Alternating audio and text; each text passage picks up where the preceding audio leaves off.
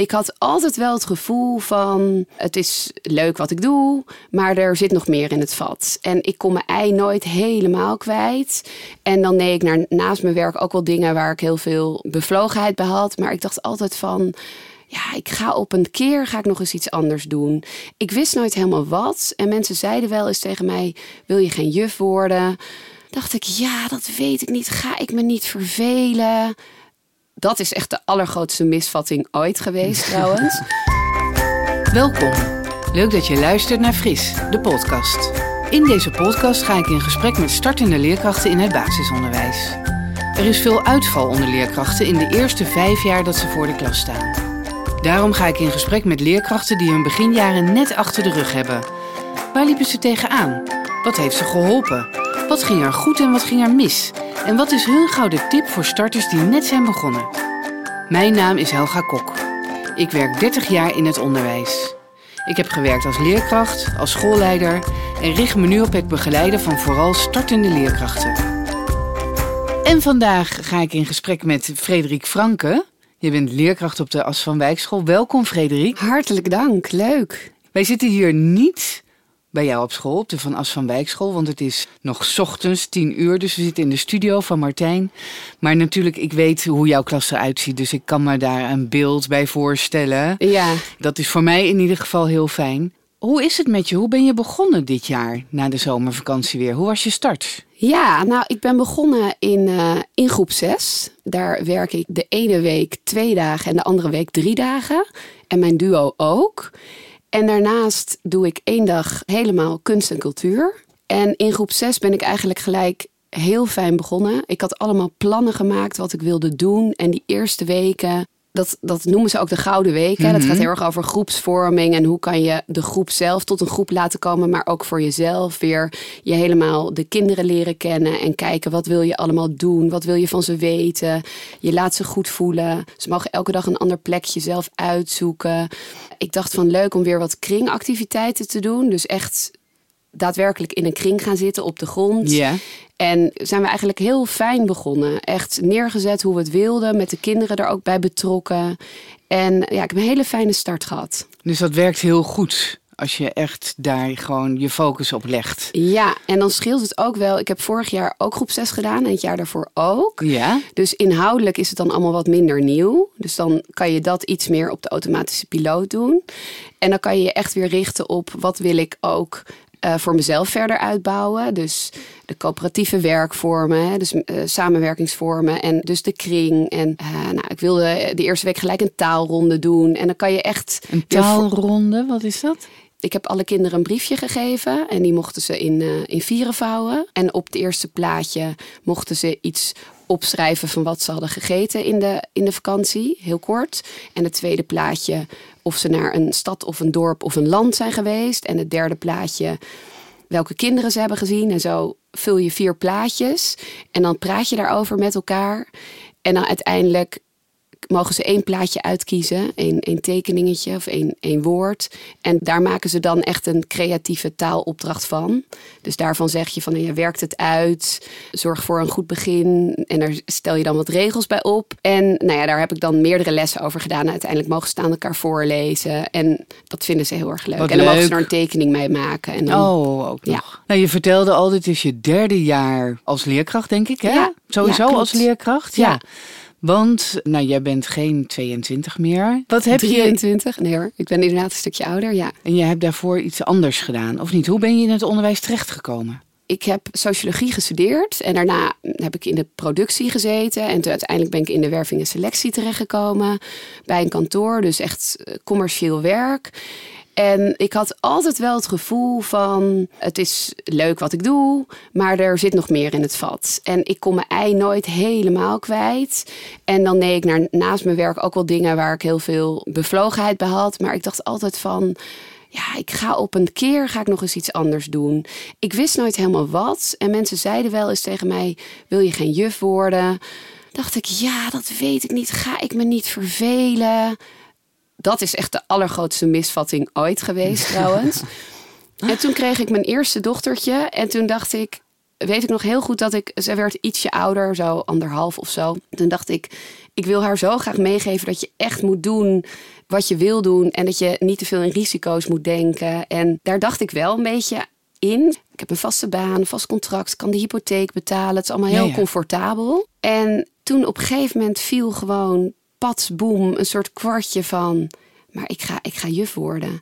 En de dag dat ik naar de open dag ging van de Marnix Academie voor deeltijd... toen die dag had ik een positieve zwangerschapstest van, van mijn tweede dochtertje.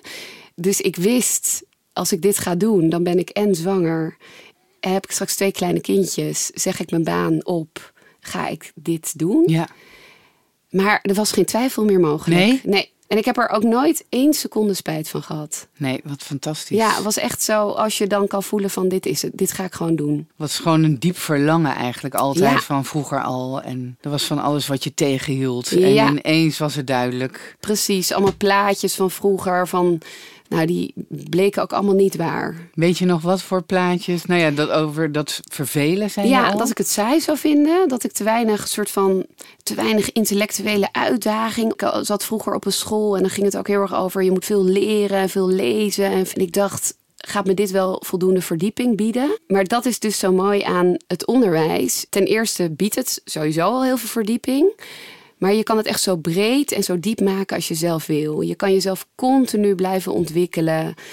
Ook met, met opleidingen en cursussen, maar ook binnen gewoon je groep, je Ja. vak, je dag. Zoals je dat natuurlijk eigenlijk als mens altijd wel kan. Maar het biedt juist echt, ik zou willen zeggen, elk podium wat je wil. Als je het zelf ja. optuigt, dan kan het. Wat mooi. En jij hebt, en daar kom ik dan redelijk automatisch, je hebt ook een mooi podium voor jezelf opgetuigd. En dat is de kunst en de cultuur. Ja, Terwijl jullie zijn een cultuurprofielschool geworden. Hoe lang is dat geleden inmiddels? Eh, dat is een jaar geleden. Een jaar geleden Ja. nog maar. Nou, we deden altijd van oudsher al heel veel aan eh, kunst en cultuur, eh, muzieklessen. En er was ooit een ouderband en we deden de creatieve vakken. En toen was op een gegeven moment het moment er dat we het erover hadden van we vinden het fijn om het nog meer te borgen. En toen had ik daar bepaalde ideeën over. En toen heeft mijn directeur gezegd van nou, weet je wat, maak een plan. Ja, dan hebben we ook heel veel geluk met een directeur die gewoon heel veel ruimte geeft. Want dat is echt gewoon ontzettend fijn. Heel veel vertrouwen. En ga het maar doen. En toen heb ik met, met haar hulp en, en anderen een plan geschreven van zo gaan we het aanpakken. Nou, willen we die kunst en cultuur nog meer op de kaart zetten, dan willen we ook een cultuurprofielschool worden. Wat moeten we daarvoor doen? Nou, daar hadden we ook wat dingen voor nodig. Moet je een eh, officieel een beleidsplan schrijven en dan moet je je gaan presenteren. Dus dat heb toen- jij gedaan, dat beleidsplan schrijven? met hulp ook van, eh, van Katinka, van de directeur. En dat hebben we gewoon eigenlijk samen helemaal opgezet. En in dat beleidsplan staat ook, en zo doen we dat dus ook, van elke week krijgen alle groepen kunst- en cultuurlessen. Dus de ene week de ene helft van de school, de andere week de andere helft van de school. Van een vakleerkracht kunst en cultuur. Dat ben ik. Oh ja? Ja. En eh, ja, dat is fantastisch. We hebben kunst en cultuur hebben opgedeeld in allemaal verschillende disciplines. Dus beeldende vorming, literatuur, muziek, drama, dans, nou ja, enzovoort. Maar ook bijvoorbeeld techniek. En dan zorg ik ervoor dat het in dat jaar dat het allemaal aan bod komt. Maar het kan ook zijn dat ik dat inhuur. Hè? Dus dat er mensen bij ons komen. Ja, die, ja. Dus professor Loep was er in, eh, in juni. Die heeft allemaal technische lessen gegeven. Dan hebben we een andere leerkracht, Sandra. Die geeft projectlabs. En die zijn vooral ook ingericht op techniek. In kleinere groepjes doet zij dat. Dus ja, ik, ben er, ik voel me er verantwoordelijk voor dat alles aan bod Ja. komt. Maar dat betekent niet dat ik het allemaal zelf uitvoer. Maar het is geweldig. Ik kan niet anders zeggen. Ja, we, we zijn er heel blij mee allemaal. Dat het Ja. zo is. Ja. En dat is ook echt dankzij dat er dus ruimte is vrijgemaakt voor één dag per week. Dat ik die lessen mag geven. Ja. Want hoe word je vakleerkracht kunst en cultuur? Voor Eh, iemand nou, die zit te luisteren en die dat denkt van, oh, dat wil ik ook. Ja, nou, je, ja, je moet die lessen kunnen geven. Dus je moet de, de muzieklessen kunnen geven en de, en de beeldende vakken kunnen geven. Ja. Die naam hebben wij daar zelf aan gekoppeld. Dus ik was al coördinator cultuur bij ons op school. En ik heb hiervoor opleidingen gedaan. Ik heb wel meer gedaan met beeldende vorming. Maar ik heb niet officieel via de Marnix Academie nog eh, opleiding gedaan. Omdat we, we hebben daarnaar gekeken. En toen lazen we wat je daarbij leert. En toen dachten we, dat zijn we eigenlijk allemaal al aan het doen. Ja, Dus dan besteden we liever nu onze tijd aan nou ja, learning on the job en het verder ontwikkelen. En ja, wat moet je ervoor kunnen? Je moet denk ik vooral in heel nauw contact dus met degene die je steunen. Dat bij ons, bij mij de directeur, kijken naar hoe willen we het gaan inrichten? Wat hebben we daarvoor nodig? Je kijkt naar de leerlijnen, je kijkt naar het materiaal wat je nodig hebt. Je kijkt naar de thema's die spelen. Je kijkt hoe je daarop kan aansluiten. Maar bijvoorbeeld bij groep 1, 2 kijk ik ook heel erg naar de seizoenen. dus nu met het begin van de herfst begin ik dan met een liedje over een eekhoorn. En dan neem ik spulletjes mee die daarop aansluiten met eikeltjes en kastanjes en een eekhoorntje. En dan hebben we een korte muziekles. En dan gaan we daarna over in een beeldende vormingles het vergt best wel wat organisatie. Ja. Dan is het gewoon ook een dag echt knallen. Want ik heb al die groepen achter elkaar. Ja, ja, ja. Dus zo eigenlijk. En dan kijk je naar het jaar. Welke week bied ik wat aan? En hoe zorg ik dat alles aan bod komt? Heb ik hulp nodig? Hoe roep ik die hulp in? Ja, dus het is gewoon continu kijken van wat willen we gaan doen met elkaar. En soms zeggen leerkrachten ook wel eens: ik vind het leuk als je dit of dat gaat doen. En dan kijk ik daarnaar. Ja, want de leerkracht is er dan wel bij op het moment dat jij die les geeft. Want die liedjes zingen ze ook zelf, neem ik aan. Ja, met, uh, ik heb, we hebben er op een gegeven moment wel een gesprek over gehad. Van vinden we het fijn als de leerkracht erbij is? Want ik zou het ook heel fijn vinden als de leerkracht bijvoorbeeld even lekker koffie kan drinken. Maar eigenlijk zeggen ze allemaal van ja, ik vind het gewoon hartstikke leuk om erbij te zijn. Die koffie drinken we dan wel bij jou. En iedereen helpt gewoon mee en doet mee. En het is ook altijd heel leuk om je eigen leerlingen natuurlijk op een andere manier te zien. En ja, ik moet zeggen, wat dat betreft hebben we ook een heel fijn gemotiveerd team. Dat je ook merkt, iedereen wil er ook gewoon bij zijn. Ja, Sowieso wel bij activiteiten. Dus dat is wel ja, dat kenmerkt ons team ook wel. Dat is wel heel erg leuk. Dat is bijzonder, hè? Want ik heb natuurlijk ook op de Van As van Wijkschool gewerkt. Ja. En dat is altijd al zo geweest. Ja, grappig is dat. Dat zit echt gewoon in de genen of zo van, van de school. Echt ja. Eh, heel mooi. Ik heb zelf ook echt het gevoel, toen ik binnenkwam... dat is dus nog niet zo heel erg lang... dat ik echt dacht, yes, hier zijn gewoon open, betrokken mensen die allemaal verder willen komen en het beste willen, ook voor zichzelf. En ik denk daardoor dus ook als je zo'n plan hebt, hè, er wordt gezegd van ja, ga het maar doen. Die mentaliteit die vind ik gewoon zelf ook heel fijn. Ja. Dat past dan ook bij mij. En, want dat is dan wel een vraag, je was ook starter. Was het niet heel erg veel voor je? Heel erg veel. ja, heel veel. Maar niet te veel? Of... Nou ja, kijk, ja, dat heeft ook wel een beetje met mij te maken. Ik, ik vind mijn vak gewoon super leuk. Dus ik zie heel veel leuke dingen om me heen. Ik zie overal werk liggen. Ik zeg heel graag ja. En voor ik het weet denk ik, oh, ik zit nu in best wel veel verschillende dingetjes hoe zit het eigenlijk gewoon weer terug naar de basis? Zoals we dat ook tegen onze kinderen zeggen in de klas. Van eerst die tafels beheersen en dan breuken en de verhoudingstabellen enzovoort. En die basis, die is wel heel belangrijk. Dus ik heb wel eens momenten gehad dat ik dacht van... ik ben nu veel te veel bezig al met de verdieping. En dan was ik alweer helemaal uh, druk met een heel specifiek een les uitwerken je hebt natuurlijk al hele goede methodes liggen. Dus je kan ook gewoon daarmee starten. Dus soms zit mijn enthousiasme in die zin me ook wel in de weg dat ik dan gewoon heel druk ben met dingen eromheen. En dan weer even terug naar de basis. De basis. En wat helpt jou daarbij? Goeie vraag. Ik denk ook wel dat bepaalde collega's mij daarin inspireren. Die gewoon wat strakker zijn wat minder van de tierenlantijnen en wat strakker in gewoon, hup, dit zijn de regels, dit is de methode, zo doen we het. Dat kan me dan ook wel heel erg inspireren, omdat ik zie ook wat een rust dat geeft voor jezelf, maar ook voor de kinderen. Dus ik denk dat mijn collega's daarin heel belangrijk zijn. En steeds visie ook weer houden van waar wil ik eigenlijk naartoe. En niet te veel me laten opslokken door het moment. We hadden afgelopen vrijdag een bosdag. De hele dag een, een, een kampdag met de hele school in het bos. Ja, want jullie bestaan 90 jaar. Ja, we hebben net een feestweek achter de rug. Dus de hele week feest en allemaal leuke programmapunten. En we eindigden met een dag in het bos hutten bouwen en ravotten ontdekken. En dan zie je soms ook, dat is voor mij nou ook een heel mooie spiegel, als je gewoon alles loslaat en je laat die kinderen gewoon gaan. Fantastisch. Soms hebben ze ook heel weinig nodig, een paar kaders ik hoef niet alles altijd in te vullen. Laat ze maar ook, ook gaan. En soms is een situatie zoals vrijdag is echt een hele fijne situatie daarvoor. En soms zijn er weer momenten dat je veel meer weer moet kaderen van nee, we gaan nu dit doen en dan dat en checklist. En ja, dat vind ik dan ook wel zelf heel leuk om te merken van er is soms ook zo weinig nodig om die kinderen een goede dag te laten hebben. Ja, en maar... ook veel te laten leren. En... en misschien ook wel dankzij wat je net vertelde, dat jullie die Gouden Weken eh, veel ruimte en aandacht hebben gegeven. En Ja. daar heel veel tijd en energie in hebben gestoken. Ja, dan kan je echt oogsten. En precies, Ja. dat vrijdag echt het oogsten daarvan ja, was. dat was ook een beetje het idee van dit als afsluiting van die... Of die, die weken gaan natuurlijk nog door, maar zo. Het is een heel mooi moment ook om het te doen. Hey Frederik, waar heb jij nou als starter veel aan gehad? Er beginnen nu ook mensen eh, weer aan hun opleiding. Wat zou je ze mee willen geven? Ik zou ze echt mee willen geven. Ik zou ze op het hart willen drukken om niet te perfectionistisch te zijn. En echt te voelen dat heel veel nog niet gaat, maar dat het wel komt. En dat heeft er gewoon mee te maken dat je vlieguren moet maken. Dus gewoon die kilometers maken. En die heb je gewoon nog niet voldoende in het begin. En in het begin zei ook iemand tegen mij van eigenlijk ben je na vijf jaar pas de leerkracht die je echt ten volle kan zijn.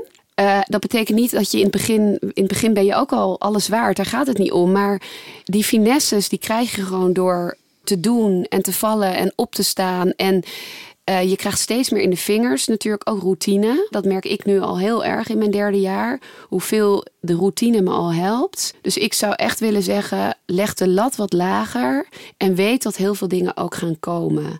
En dus probeer jezelf mild te benaderen. En toevallig had ik vorige week ook een gesprek met, mijn, eh, met de stagiaire. Die nu in eh, groep 6 bij mij is. En die begon ook na school te vertellen wat ze dan eh, nog allemaal van zichzelf verlangde. Wat ik ook heel erg herken. Maar ik zou ook zo fijn om even te kijken naar wat gaat er allemaal goed. Weet je, wat heb je niet allemaal gedaan vandaag? Dat is zoveel wat wij als leerkracht doen op een dag. Dat is gewoon echt, je hebt gewoon je eigen winkeltje met duizend en één verschillende dingen die je Ja. allemaal tegenkomt en waar je mee, druk mee bent. Didactisch, pedagogisch en dan ook nog alle kleine dingetjes die voorbij komen waar je geen rekening mee had gehouden, waar je ook op, op reageert. Ja, precies. En Probeer mild voor jezelf te zijn, zei je. Absoluut, Ja. echt. En jezelf een schouderklopje te geven voor wat je allemaal doet. En het wordt echt makkelijker. Dat is gewoon heel fijn. Nou, en kijken naar wat je leuk vindt ook. Dat is zo leuk aan ons vak. Je kan, je kan echt je kracht bekrachtigen. Echt mooi. Nou, daar Ja. heb jij weer heel veel de kans voor gehad. Daar heb ik echt kans voor gekregen. Ja, daar ben ik ook echt Ja. heel, eh, heel blij mee. Ja. Frederik, ging er ook wel eens wat mis in die eerste jaren? Ja, nou, wat is echt misgaan? Wel, ik kan me nog heel erg goed herinneren dat ik stage liep. En dat ik het echt ontzettend moeilijk vond om al die verschillende ballen de lucht in te houden. En daar ben ik ook best wel toen een beetje tegen aangelopen. Ik vond het heel moeilijk om dat overzicht te hebben en alles te organiseren. En dan had ik de leerkracht bij wie ik stage liep. Dan keek ik daarnaar en dat zag er allemaal redelijk vlekkeloos uit. Zo met een belletje en dan waren ze stil en handen klappen. En ze stonden in de rij en zo heel soepel al die lessen. En dan keek ik daarnaar en dan dacht ik, ik, ik weet niet of ik dat ooit zo ga kunnen. En dat maakte mij ook best wel onzeker. Dus ik heb daar wel in het begin tijdens mijn stage ook wel moeite mee gehad van... kan ik het wel? Zo kwam ik ook wel eens thuis. Van ik weet niet of ik dit ga kunnen. Nou ja, ik kan me dus ook zo voorstellen dat veel mensen dat hebben. En het is dus ook zo zonde als je, daar, als je daarover struikelt. Want het is ook echt heel erg veel. En wat ook meespeelt in het begin is... je hebt nog minder die relatie met de kinderen. Dat moet je ook echt opbouwen. De kinderen vinden het ook heel fijn om voor jou te werken. Dus als je binnenkomt met een fijne energie en ze kennen je goed en je zegt van, ah, jongens en meisjes, we gaan vandaag iets met elkaar doen en ik heb echt jullie hulp nodig. Of hè, soms maak ik daar wel eens een verhaal van. En je hebt een goede relatie, dan werk je echt. Ik, ik voel soms ook van we werken echt met elkaar daaraan. Maar tijdens mijn stage eh, vond ik het heel lastig om al die verschillende aspecten te kunnen. Ja, daar heb ik echt ook wel even last van gehad. Om, dat, eh, om me daar overheen te zetten en te denken: het komt wel goed. Ja, want dan Ja. heb je die relatie met die kinderen natuurlijk echt veel minder. Ja, En, en ook, ik vind het dus een heel mooi vak, omdat je zoveel zelf kan doen. Je kan heel veel creëren. Maar het is soms ook in het begin best wel een beetje alleen, want je moet het wel alleen doen. Ja. En je hebt natuurlijk begeleiding. En iedereen zegt, je kan bij me terecht als je hulp wil. Maar soms weet je ook niet precies welke hulp je nodig hebt. En dan ben je gewoon aan het zwemmen. En dan denk je, ja, ik ben blij als ik die dag doorkom. Als ik de overkant haal vandaag. Als ik de overkant haal. Ik heb nog nauwelijks een zwemdiploma en ik moet, weet je wel, dat. Dus ik, ik heb daar wel echt, ja, dat heb ik wel gevoeld. En ging, het- ging het tijdens de stage dan ook wel eens echt mis? Nou, ik kan me nog wel een keer herinneren bij de onderbouw dat ik dan ineens om negen uur met die kinderen naar buiten liep in plaats van tien uur. En dat, het, en dat iemand ook tegen mij zei van, ben jij bij een beetje in de war vandaag? En dat ik dacht, oh, wat erg, gewoon een uur vergist. En daar ook dan heel erg van balen, terwijl hoe erg is het uiteindelijk? Ja, ook omdat je gewoon die routine nog veel minder in de vingers hebt. Ja, precies. Ja, ik kan me verder niet echt herinneren dat er heel erg, ja, echt iets heel erg vervelends is gebeurd. Uiteindelijk, ja, overal is ook wel weer een oplossing voor. En Ja. ik hou wel van eh, creatieve benadering en oplossingen. Dus ik denk ook altijd wel van, eh, overal komen we wel weer uit. Maar die beginperiode vond ik wel eh, intensief. Nou, Ja. je zegt, het is eigenlijk niet te vergelijken als je stage loopt of je hebt echt je eigen groep. Omdat je die verbinding met die kinderen zoveel meer hebt. En die routine en die regels en hoe je het zelf wilt. Zeker. En als je stage loopt, dat zullen heel veel mensen herkennen, kijkt er ook vaak iemand mee. Dus je voelt je ook altijd wel ergens een beetje ongemakkelijk. En je wil, eh, je wil die ander ook niet voor de voeten lopen. En je wilt het eigenlijk doen binnen de structuur die er al staat. Ja. En als je zelf een eigen groep hebt, dan kan je echt zelf keuzes maken. Ook omdat je op een gegeven moment vertrouwen hebt van... als ik het zo doe, dat is het beste voor de kinderen. En dat werkt heel goed voor mij. Dus je, je kan dan echt vanuit ja, je eigen interesses en je eigen kracht dingen gaan neerzetten. En dat is natuurlijk, eigenlijk zijn dat de krenten uit de pap. Maar die kilometers moet je wel eerst maken. Ja. Ja, dat is nou eenmaal zo. Maar mooi. Nou, en aan jou te horen, als iemand twijfelt over zal ik wel of niet het onderwijs ingaan, die is nu wel overtuigd. Doe dan- het. Ja. Ja. je kan ook zo best wel je eigen, voor een deel ook wel je eigen eh, dingen creëren. Omdat er gewoon Ja. ook heel veel vrijheid is. Ja, ik denk echt, ja, je hebt je eigen tokootje. En je kan gewoon heel veel eh, mooie dingen creëren. Ja, en het is mooi wat je zegt, want ik sprak net iemand die had gewoon ander werk gehad en die is toen ook het onderwijs ingegaan, MBO. En die zei, nou pas toen merkte ik hoe rustig mijn andere werk eigenlijk was. Ja. Daar had ik echt, Ja. omdat het zoveel van je vraagt, het Ja. onderwijs. Ja, en dat maar is ik- goed om te beseffen, dat duurt even of zo. Daar moet je jezelf even de tijd voor geven en dat handig aanpakken. En ik vind ook wel altijd, het, het kost inderdaad heel veel, maar de opbrengst vind ik dus ook heel veel groter dan, nou ja, dan waar dan ook, zou ik willen zeggen. Althans, dat geldt voor mij. Van je, het is ook best wel een spiegel. Dus hè, soms kan ik ook best wel denken van, oh, je geeft een les en je merkt dat eh, heel veel kinderen er vragen over hebben. Nou, dan is zo'n les misschien niet helemaal eh, aansluitend geweest. Dus die kinderen geven je heel erg een spiegel van, ja, ook wat soms minder goed gaat. Maar ook juist alles wat je ze biedt aan leren, aan vreugde, aan met elkaar zijn. En dat vind ik zo waardevol. Ja. En dat, dat geeft dus heel veel echt vervulling. Ja, Mooi. En je hebt nooit momenten gehad dat je dacht van, ah, dit is me te veel, ik kan niet meer. jawel. Voor de vakantie bijvoorbeeld, die laatste paar weken, vond ik best wel pittig. Dan is het best wel veel wat er ook nog van de kinderen wordt gevraagd. De kinderen raakten iets minder gemotiveerd. En ik merkte wel dat ik dacht van, oh ja, ik moet het zelf ook weer echt even zoeken naar de juiste, het juiste gereedschap om ze weer helemaal lekker in die flow te krijgen. En dat lukt dan niet continu. En dan is dat ook soms best wel even, ja, ook best wel zwaar soms. Omdat ik me dan ook wel heel erg persoonlijk aantrek. Van ja, wat kan ik hier aan doen? En daar ben ik dan altijd ook wel echt mee bezig. Dus en ik- wat heeft je toen geholpen? Weet je dat nog? ja, wederom collega's. Gewoon af en toe stoom afblazen. En met elkaar even van, oh ja, het is ook best wel zwaar. Die laatste weken hoor ik vaker. En ook weer leg die lat wat lager. En toen op een gegeven moment heb ik met mijn duo besproken van... weet je, we doen gewoon in de ochtend echt het leerwerk... wat ze moeten doen tot, tot een uur of 11, 12. In de middag plannen we wat rustiger. En, want dan om voor jezelf dus ook dan niet teleurgesteld te raken... over dat een les niet goed loopt... Want in de middag was die leercurve echt wat eh, minder. eh, Ja, ja. Dus in de middag weer andere activiteiten. En dan merk je ook wel gelijk dat als je bepaalde interventies inzet, dat dat dan effect heeft. En zo niet, dan ga je weer verder zoeken. Dus dat is dan wel weer heel mooi. Je, je kan zoveel doen. Dus dan heeft een, een andere benadering ook wel weer effect of zo. Dus ja, dat is dan wel fijn. Gewoon creatief blijven denken. En het even loslaten hoe het altijd ging. Ja, En weer met Ja. iets nieuws voor de dag komen. ja.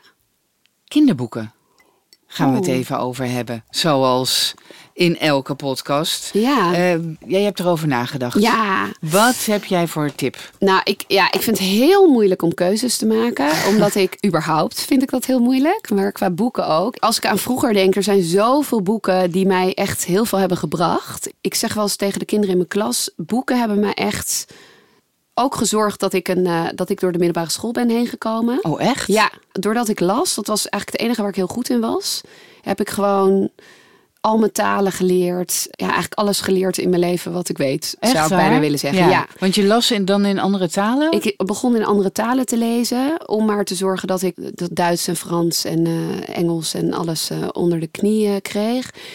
En omdat ik dat lezen zo leuk vond, heb ja, is het me gelukt om redelijk makkelijk door de middelbare school te komen. Terwijl ik het er te- tegelijkertijd heel moeilijk vond om me te concentreren. En ik vind concentratie en eh, overzicht en zo allemaal best wel lastig. Dus ik probeer ook echt de kinderen in de klas te motiveren om zoveel mogelijk te lezen. Dan zeg ik altijd, dan heb je taal en spelling en schrijven en algemene ontwikkeling. En je hebt al zoveel binnen. En straks je andere talen. Maar goed, ik las vroeger heel veel van, eh, van Astrid Lindgren. En de Gebroeders Leeuwhard, dat was ook zo'n boek. Eigenlijk een hele fantasievolle wereld. Waarin heel veel gebeurde. En ik, ik ben daar helemaal ingezogen. En ook van Thea Beckman, Kruistocht in Spijkerbroek. Daar ben ik gewoon, ik weet nog precies waar ik was toen ik dat las. En dat was gewoon helemaal mijn wereld. Daardoor ben ik ook me weer meer gaan verdiepen in de middeleeuwen toen. En toen was ik best wel jong, maar ik vond dat fantastisch. En ik lees ook graag voor in, eh, in de klas. En ik heb net ook weer een heel leuk boek van eh, Lotte Stegeman met de kinderen gelezen, Groene Voeten. Dat gaat dan eigenlijk over wat je als kind kan doen om de aarde wat fijner te benaderen. Oh, wat mooi. Met al heel veel duurzame tips op een hele positieve manier.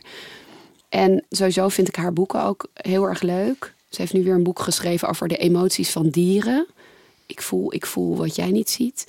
Ik vind lezen echt, eh, ik, ik kan smullen van boeken. We hebben ook in groep 6 echt een eigen boekenkast met mijn, eh, mijn duo. Houdt ook heel erg van lezen. Dus we zijn altijd bezig met leuke Oh, boeken wat uit voor de heerlijk. kinderen. Nou, dan kom ik denk ik gewoon bij jou in de klas. Kom langs, echt, ja. En ken je dan ook, als je houdt van eh, groene boeken, ken jij Toby Lonnes? Ja, ik ken hem, maar ik heb hem niet gelezen. Nou, Jij dan mag wel. jij hem straks eh, meenemen om te lenen. Voor jezelf of voor de kinderen. Ik ga even de achterkant eh, voorlezen. Want heel weinig mensen eh, kennen dit boek. Maar het past heel mooi bij het thema van de kinderboekenweek natuurlijk. Ja, Giga Groen, Giga waar Groen. jouw boek ook heel goed bij past. En Toby Lonnes, ja, het is echt heerlijk. Ik, in, ik weet zeker dat jij het ook heel fijn gaat vinden. De achterkant. Toby is op de vlucht. Hij rent als een schicht over de takken. Hij verbergt zich in scheuren van de boomschors. Zijn voeten bloeden, hij is aan het eind van zijn krachten. Zijn eigen mensen zitten hem op de hielen. Ze willen hem hebben, dood of levend. Toby is niet groter dan anderhalve millimeter. Hij hoort tot het boomvolk dat al sinds het begin der tijden de reuzeneik bevolkt. Zijn vader heeft hoog in de boom een revolutionaire uitvinding gedaan. Maar omdat die uitvinding het voortbestaan van de boom in gevaar zou brengen, weigert hij hem af te geven. Sindsdien is zijn gezin eerst verbannen naar de donkere onderste takken, toen naar een strafkamp gestuurd en tenslotte ter dood veroordeeld. Alleen Toby is ontsnapt. Maar voor hoe lang nog? Wauw. En toen ik het las, ik weet echt nog heel goed, ik ging ergens wonen en daarachter was direct een boom. En ik had echt zoiets, oh, daar woont Toby. Ja. Ik vond het echt magisch. Dat ik echt anders naar bomen ging kijken. Dus ik vind ook eigenlijk dat iedereen die zich bezighoudt met de verbreding van de A27 bij Amelis Weert, dat hij eigenlijk Eerst dit, boek moeten lezen. ze lezen. En dan, dan gaan en dan ze dat gewoon ze dat, niet doen. dat dat niet doorgaat. Ja. Precies. ja. Maar echt magisch. Dus eh, nou, jij mag het gewoon. En ook eh, best wel eh, verdrietig af en toe. Ja, ook best wel verdrietig. En ook, er zijn natuurlijk nu ook weer mensen op de vlucht en verbannen. En die verbinding heeft Ja, zich prachtig, ook, ja. altijd weer. Hoewel je die niet altijd hoeft te, te trekken natuurlijk. Maar sommige kinderen zijn misschien wel zo... Ik vond bijvoorbeeld het lampje van Annette Schaap ook heel, het is ook heel verdrietig, maar ook zo mooi. Hè? Het is ook zo één iemand die dan zich ook soms best wel alleen voelt. Zo mooi als dat in zo'n verhaal zit en dat je helemaal meegetrokken wordt. Ja, ik hou ervan. Ik ga het lezen, leuk. leuk als je er tijd voor hebt. Maar dat maak je dan wel, zo Dat te maak ik horen. dan. Ja, zeker. Ja. Is er nog iets wat jij wil zeggen tegen de mensen die luisteren? Als je beginnend leerkracht bent en je denkt af en toe van, kan ik dit wel? Lukt het wel? Ga ik dit wel doen? Dan zou ik willen zeggen, heel logisch dat je dat denkt. En laat je er niet door tegenhouden. Want het wordt makkelijker en dat hebben we allemaal. Ik heb het nog steeds wel eens. Maar de opbrengst is zo mooi wat we allemaal kunnen doen in dit vak. En er is nog zoveel te doen. En eh, mensen zoals jij hebben we nodig. Dus pak het en uh, ga ervoor. Heel erg veel bedankt, uh, Frederik, voor je deelname en voor deze mooie laatste woorden. Ik hoop dat er veel mensen naar je gaan luisteren. Ja, jij ook Dank je wel. bedankt. Dankjewel voor het luisteren naar Fris, de podcast. Deze podcast werd mede mogelijk gemaakt door PCOU Willibrord en Martijn Groeneveld van Mailman Studio. Vond je deze podcast leuk? Of heb je een vraag aan mij of een van de volgende leerkrachten? Laat het dan even weten in de comments hieronder. Dankjewel en tot de volgende keer.